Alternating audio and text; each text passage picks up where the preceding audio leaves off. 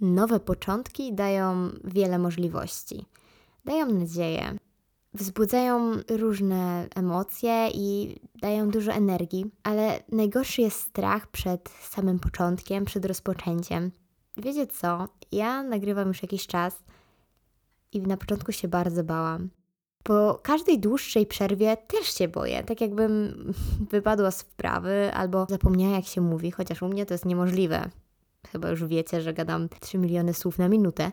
Ale teraz długa przerwa, dosyć tygodniowa. Dla mnie to prawie że kosmos.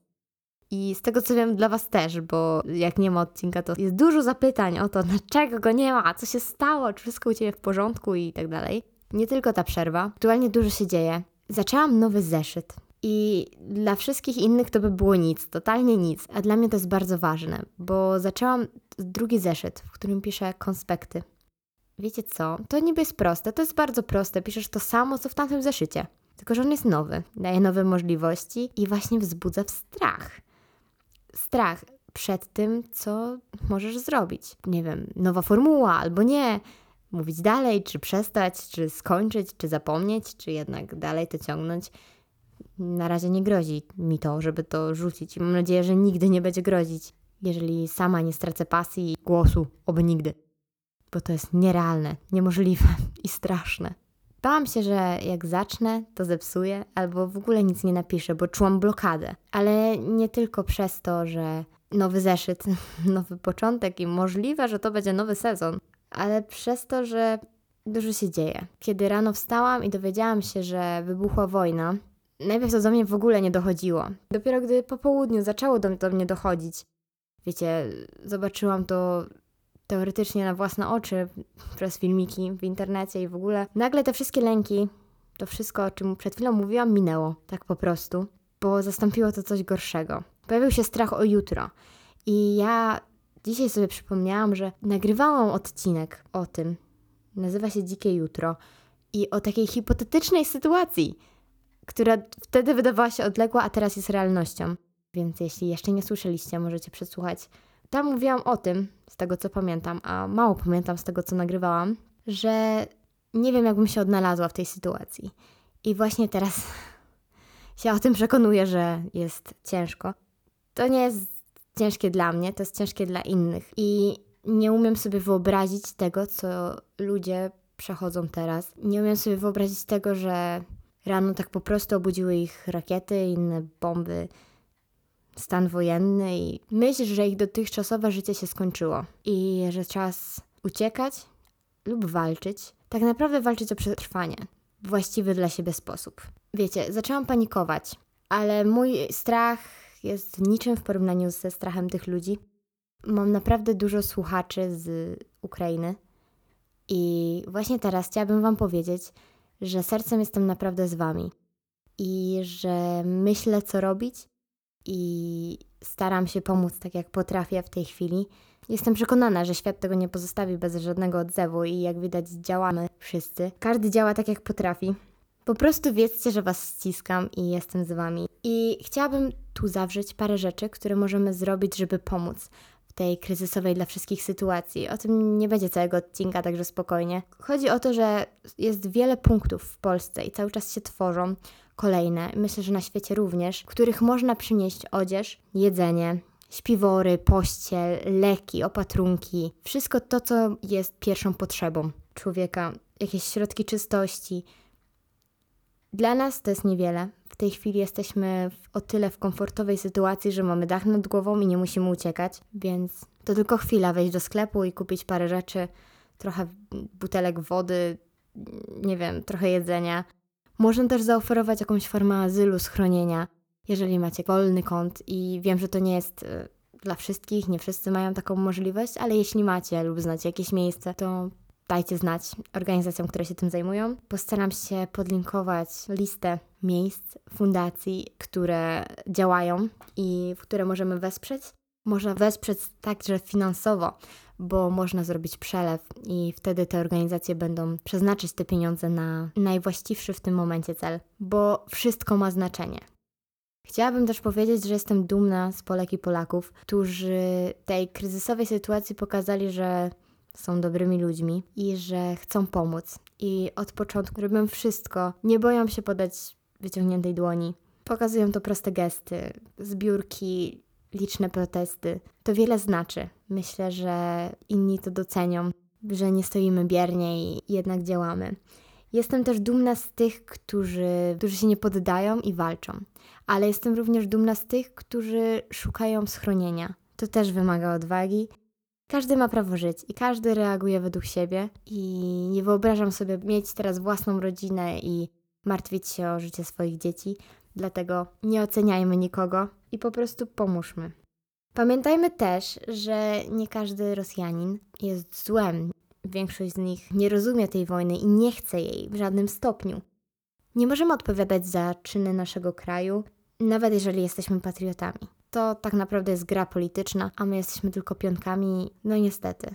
Chciałabym tu przeczytać fragment listu od mojego przyjaciela z Petersburga, Talisa. Napisałam od razu po wybuchu wojny do niego z pytaniem, czy wszystko u niego w porządku, czy nie został zgarnięty do wojska, jak to u nich wygląda. I odpisał mi coś takiego. Wczoraj obudziłem się rano i to była pierwsza rzecz, o której się dowiedziałem. To straszne. Nikt w Rosji z normalnych, zdrowych ludzi nie chce żadnej wojny. Putin chce zniszczyć naszą przyszłość, moją przyszłość. Trzymam kciuki za Ukrainę. Ja też trzymam. I mam nadzieję, że to się skończy jak najszybciej. Życzę nam wszystkim spokoju i takiego otwartego serca, bo bez niego mało zdziałamy. Ostatnio generalnie jestem przytłoczona wszystkim. Dosłownie wszystkim, każdą najmniejszą rzeczą. I sesją byłam przytłoczona, i tym, co się dzieje wokół mnie, i teraz sytuacją polityczną na świecie. I wiecie, taki typowy coach, którym w sumie prawie byłam, prawie zostałam, prawie zmierzałam tą ścieżką. E, powiedziałby, że czas na zmianę miejsca, o ironio. Sesja przebiegła dość płynnie, chociaż stresująco. Miałam pierwszy w życiu egzamin ustny i totalnie myślałam, że jak już zdam maturę i ominę ustną, to już mnie to nie spotka. No ale się myliłam, bo wybrałam filologię. Uuu, to by się spodziewał. To był najmniejszy problem. Ja się bałam najbardziej o językoznawstwo i nie wiem, czy pamiętacie, ale jednym z celów na 2022 rok było zdanie z językoznawstwa. I uwaga, zrobiłam to! To była taka praca zaliczeniowa, taka dorąbana, taka naprawdę, że jakieś akty ilukacyjne, nie wiem, cechy peryferyjne i inne takie rzeczy. To naprawdę było skomplikowane. Z wykładów mało co wiedziałam, praktycznie nic jeżeli w cokolwiek. Treści były dla mnie totalnie niezrozumiałe i siedziałam nad, nad tym naprawdę długo, ale zdałam. I w ogóle, żeby zdać, trzeba było mieć chyba 105 punktów, jeżeli się nie mylę. Ja miałam 150 chyba dwa. I jestem z tego tak pierońsko dumna. I wiecie, jak się dowiedziałam? Byłam sobie w Austrii, bo tam właśnie wyjechałam, mówiąc o zmianie miejsca. I mieliśmy dzień wyznaczony, chyba 16 lutego, że do godziny 20 będą oceny. No dobra, więc siedziałam, siedziałam, ten stres cały dzień. No i nic. Ja wiecie, 20.45, ja wchodzę, a tam echo, nie ma, nic, nul, zero. I byłam taka zbulwersowana i zestresowana, bo ja już w mojej głowie byłam przekonana, że nikt nie zdał i dlatego nikt nie ma oceny. Wiecie o co chodzi? Że stwierdziła, że to jest daremny trud, żeby wpisywać same kapy na przykład. No, no bo nie tylko ja nie rozumiałam tego przedmiotu, tylko cała grupa. Nie wiem, czy był ktoś, kto to w ogóle zrozumiał. Z wszystkich, którzy mieli ten przedmiot. Naprawdę to jest mega trudne. Więc jak rano się obudziłam, coś miałam rano załatwić. Polam telefon jak nigdy rano i patrzę, ja tam wszyscy, no jakie macie oceny, coś tam. I ja, o Jezus, to jest ten moment, ten czas. Wchodzę na tego usosa, oczywiście trzy razy się zlagował i mówię, Jezus, ja nie przetrwam w ogóle, co to ma być? No i tak patrzę, nie chcę wierzyć. Znowu zerkam, a tam 4,5 i byłam taka, o Boże, dziękuję, dziękuję. Kilka dni wcześniej, zanim się dowiedziałam, jaką mam ocenę, śniło mi się, że wiecie, sprawdzałam te oceny z tego językoznawstwa i że zdałam i byłam taka szczęśliwa wiecie, budziłam się taka zadowolona, po czym sobie uświadomiłam, że żyję w niewiedzy i tak naprawdę możliwe, że nie zdałam. Więc byłam totalnie przeszczęśliwa, że zdałam. I spałam y, wtedy z Kasią w jednym łóżku i nie chciałam jej budzić, więc to sprawdzałam po siódmej rano. I była taka cicha ekscytacja, wiecie, my, wewnętrznie skakałam pod niebiosa, darłam się jak 150. Myślę, że cała Austria mnie słyszała, gdyby Kasia jednak nie spała. Ale tak się trzęsłam aż z emocji w ogóle, chyba jeszcze przez 10 minut jak to przeczytałam. To tak naprawdę, Boże, tyle pracy tyle wszystkich założeń, stresów, przykładów, bo wiecie, to polegało na tym, że trzeba było dać przykład, jeszcze go omówić i przekonać, że masz rację z tym przykładem. I to było trudne, bo ja naprawdę szukałam słowa klucz w całym tekście, pojęć, żeby jakoś z tego wybrnąć, ale udało mi się. Jestem z tego pierońsko dumna. I tak jak mówiłam, byłam w tej Austrii. I miałam cały jeden tydzień ferii. W ogóle to jest nie po Bożemu. Wszyscy mają dalej ferie i są gdzieś, świętują, imprezują. Ja dostałam zaproszenie na imprezę, jakąś trzydniową w ogóle, prawie jak jakieś takie ogromne wesele. No ale nie mogłam pojechać, bo już mam uczelnię, więc no niestety. Ale wiecie, że ja odpoczęłam? Naprawdę, bo to był mega intensywny czas i ja nagle pojechałam, zmieniłam lokalizację, jak radzą wszyscy i byłam taka, wow, to zostało za mną. Tak totalnie, jakbym się przyniosła mentalnie, w czasie. To było dziwne, ale jednocześnie fantastyczne. Przez tydzień byłam w takim małym miasteczku, Mautendorf, to jest w Salzburgu. I byłam już tam wcześniej, więc no był taki powrót troszkę na stare śmieci, troszkę jak do siebie. No i było super, no, no nie ukrywajmy, odpoczęłam bardzo, ale byłyśmy tak bardzo rekreacyjnie. Tak, teoretycznie pojechałyśmy na nart, ale w praktyce takie troszkę emerytki. Taki ciechocinek, ale za granicą. To coś w ten deseń. Wiecie, tutaj książka, a tutaj coś tam. Czytałam sobie Kobena. Powiem Wam, że to są ciężkie kryminały. Mega dobre, ale ciężkie. I nie wiem, czy polecam. Muszę jeszcze przeczytać kilka książek, bo ja po razie jestem przyzwyczajona do takich lekkich kryminałów, w sensie mocnych, które się tak turbo przyjemnie czyta. Więc muszę jeszcze przeczytać parę książek Kobena, żeby zdecydować, czy lubię tego autora, ale naprawdę cała fabuła była świetna. Trochę grałyśmy też w grę. Znaczy, wiecie, ja, ja i granie w gry. Ja jestem takim bardziej obserwatorem, komentatorem. Ewentualnie podejmuję decyzje, bo z Katarzyną zawsze gramy w gry takie decyzyjne, czyli od tego zależy cała fabuła. Zawsze się stresuję, bo generalnie chwała Panu, że ja nie muszę grać, bo jak grałyśmy kilka lat temu też w Mautendorf właśnie, w taką grę Ukryty Plan, może znacie, to całą grę, bo jesteśmy pacyfistkami, przeszłyśmy nie zabijając nikogo, nie?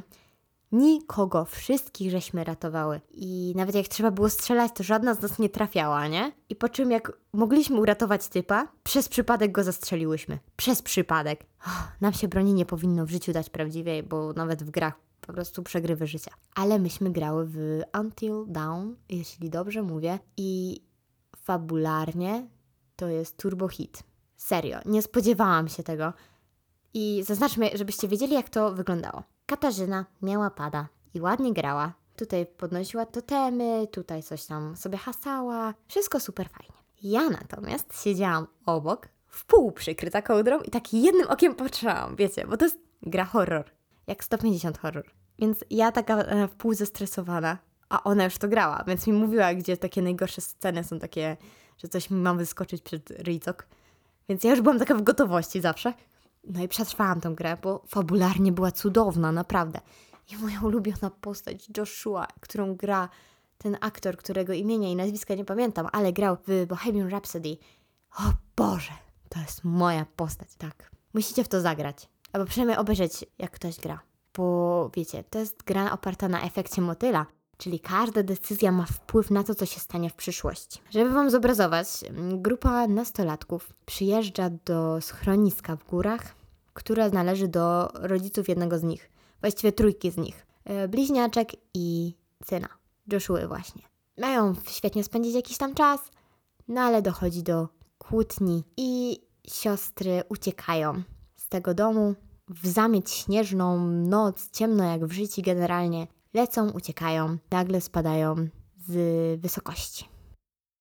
Cała gra toczy się rok później. W momencie, kiedy mija rok od zaginięcia dziewcząt, oni nie wiedzą, że one zginęły, chociaż się pewnie domyślają, ale teoretycznie ciał nie znaleziono i wracają w rocznicę, żeby pozbierać się po tym całym zdarzeniu. No i jak się domyślacie, to był błąd i ja w ogóle nie rozumiem, dlaczego oni to zrobili. Przeżywałam to przez pół gry i narzekałam. W ogóle niektóre postacie przypominały mi ludzi z mojej przeszłości i, i to było dziwne, ale no polecam. Polecam, zagrajcie i nie grajcie samemu. To jest straszne. I po ciemku też nie. I miecie w gotowości kołdrę albo kocyk.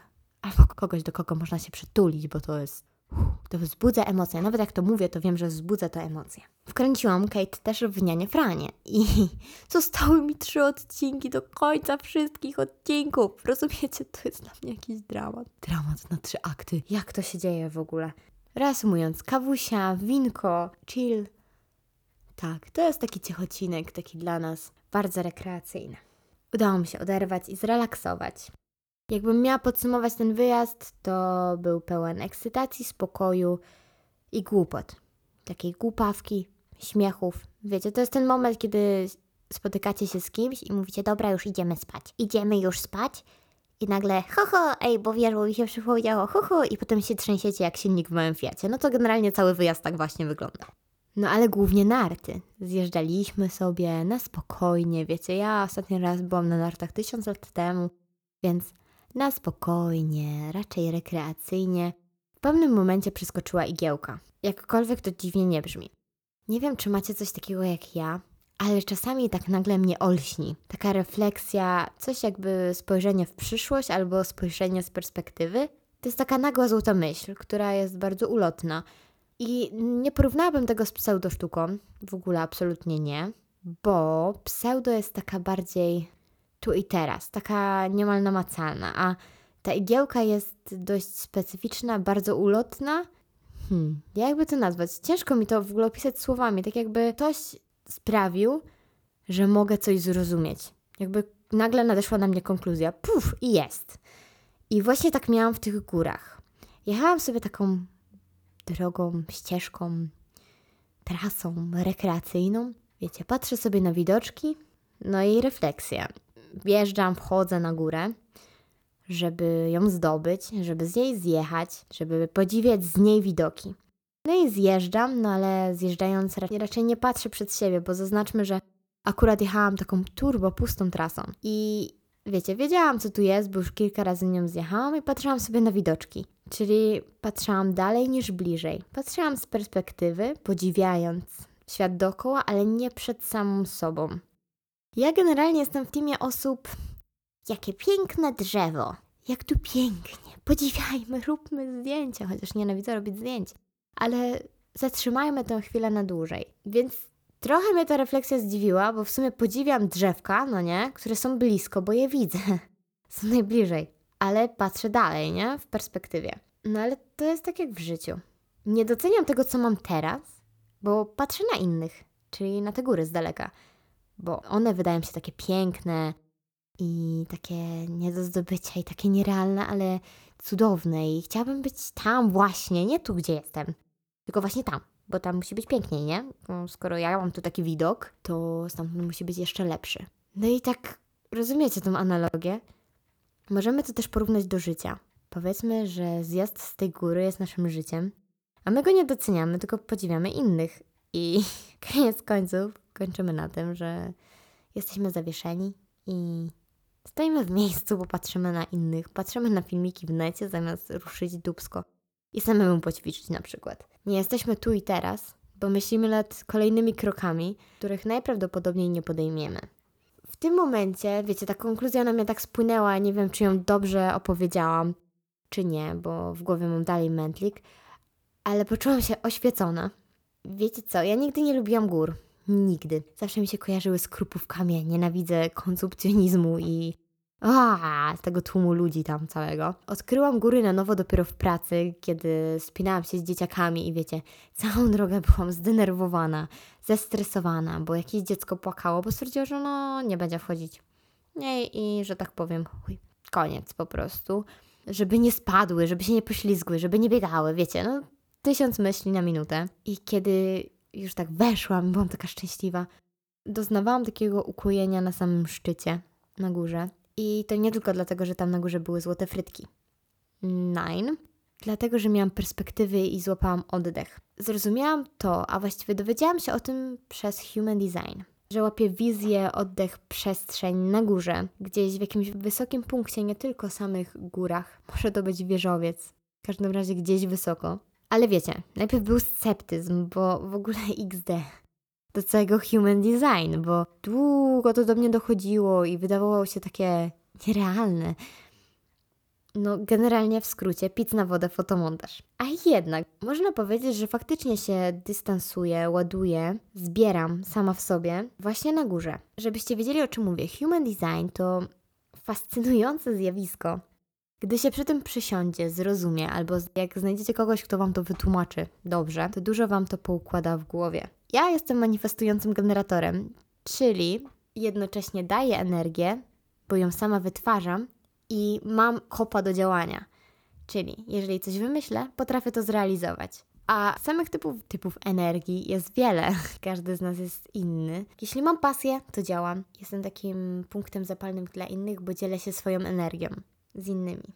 Wiecie co? Ostatnio przez przypadek pisałam z Aleksandrą Czerwińską, moim generalnie guru od Human Design, którą znalazłam przez przypadek w sieci, totalnym splotem jakichś wydarzeń dziwnych. I przez przypadek do niej napisałam. Ale musicie wiedzieć, że naprawdę nie myśląc o tym. Kojarzycie wieśniarę z ławki? Ona założyła Bookgrama i przyrzekam, w życiu nie widzieliście tak pięknych zdjęć, tak mądrych wpisów, tak wspaniałej, pełnej pasji osoby, jaką jest wieśniara z ławki. Profil nazywa się, o ile się nie mylę, Wtopiona. Na pewno Wam podlinkuję w dole. I Ola udostępnia czasami na relacjach jakieś teksty, jakieś fragmenty książek. No wiecie, jak na Instagramie, no nie? Nagle patrzę gdzieś tam na stories, jest fragment książki Wędrówka dusz doktora Michaela Newtona. I miałam takie uwielbiam tą książkę. I ja jestem bardzo taką impulsywną pod tym względem osobą, że jak mi się coś podoba, to ja to mówię. Tak od razu, tak. Nieistotne, co się dzieje, gdzie się dzieje, ja to powiem od razu. Więc nie zważając na nic, napisałam i w ogóle byłam przekonana, że to jest właśnie wieśniara.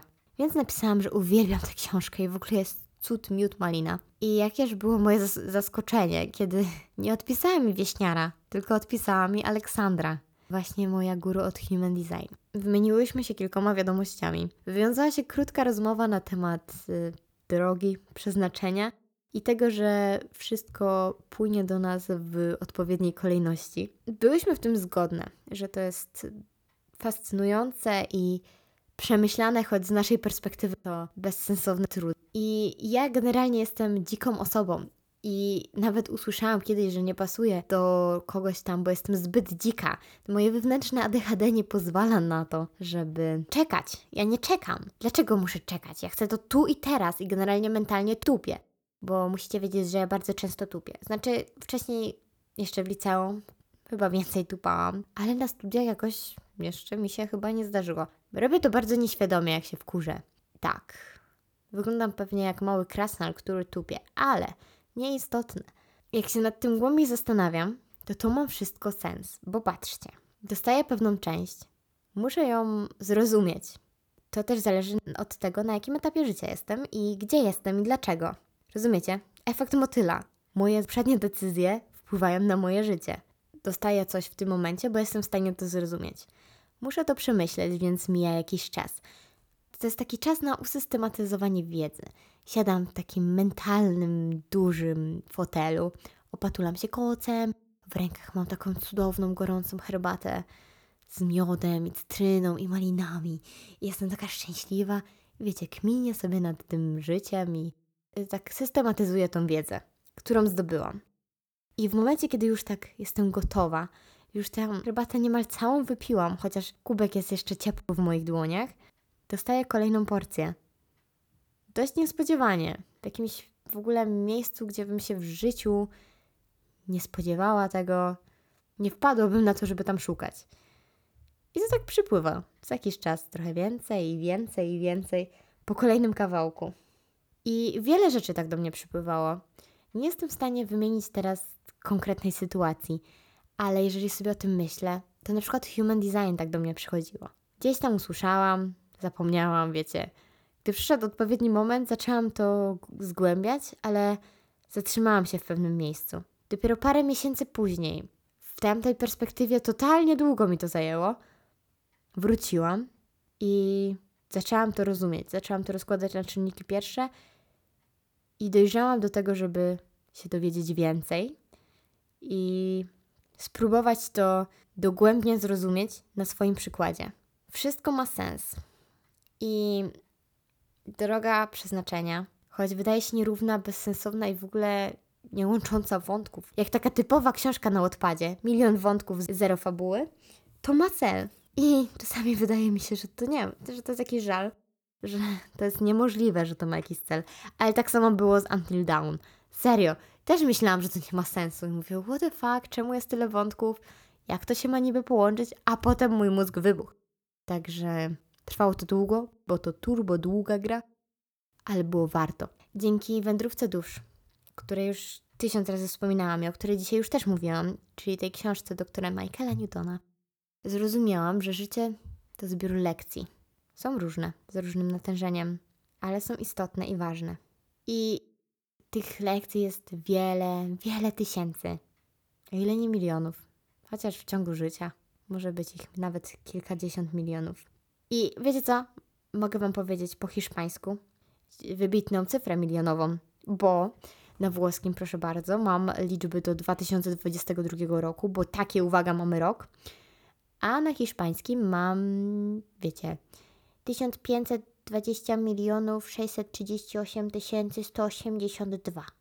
Dokładnie takie liczby. I właśnie się dzisiaj uczyłam. Także Wam mogę powiedzieć, ile milionys. W każdym razie, to, że jesteśmy tu i teraz, to, że jest trudno, to, że jest nam bardzo źle, to, że myślimy, że nie ma wyjścia z danej sytuacji, to wszystko składa się na to, że w jakiś sposób to sobie wybraliśmy. I to brzmi teraz tak abstrakcyjnie, ja wiem, ale jak znajdziecie tą książkę i zaczniecie ją czytać, tam jest taki rozdział, że właśnie sami sobie wybraliśmy to życie i to, kim jesteśmy i gdzie jesteśmy. To nie jest tak, że wybraliśmy sobie konkretne życie i drogę i w ogóle nie, że chcę być milionerem i jestem milionerem, tylko raczej wybraliśmy sobie cechę, którą chcemy mieć w danym życiu. Bo mam nadzieję, że wiecie, że ja się opieram teraz na reinkarnacji i takim w ogóle całym aspekcie. To trochę jakbyśmy byli w Simsach. Ostatnio grałam drugi raz w życiu w Simsach. Znaczy skończyło się na tym, że stworzyłam postać i potem się poddałam, bo moje oczy stwierdziły nie, nie, nie, nie, nie. Za dużo komputera. Ale jednak teoretycznie wybieramy jakąś cechę, na przykład zawód, swoją działalność w ciągu życia, którą chcemy posiąść. Mam nadzieję, że wiecie o co mi chodzi. I to jest jednocześnie związane z lekcją, próbą, którą mamy doświadczyć, która sprawi, że się rozwiniemy i zrozumiemy. Nie chcę się zagłębiać w hierarchię duszy i takich rzeczy, bo to jest zbyt skomplikowane na teraz. Chodzi mi o sam fakt, że to nie tak, że wszystko ma swoją cenę, że nie wiem, wybraliśmy sobie wspaniałe życie i potem, nie wiem, wielka chujnia. Nie. Chodzi o to, że ja przestawiłam bardzo myślenie po tych książkach, ale to też trwało dosyć długo, bo złożyło się na nią wiele elementów i bardzo dużo czasu. Zaczęłam dostrzegać wnioski i otwierać umysł i poszerzać horyzonty, szukać równowagi i w tym nieświadomie, nie wiedząc o tym, że będzie mi to potrzebne, zaczęłam na przykład medytować albo ćwiczyć oddech i to w sumie bardziej związane ze slow life i taką, wiecie, modą na spokojniejsze życie, ale dzięki temu doszłam dalej.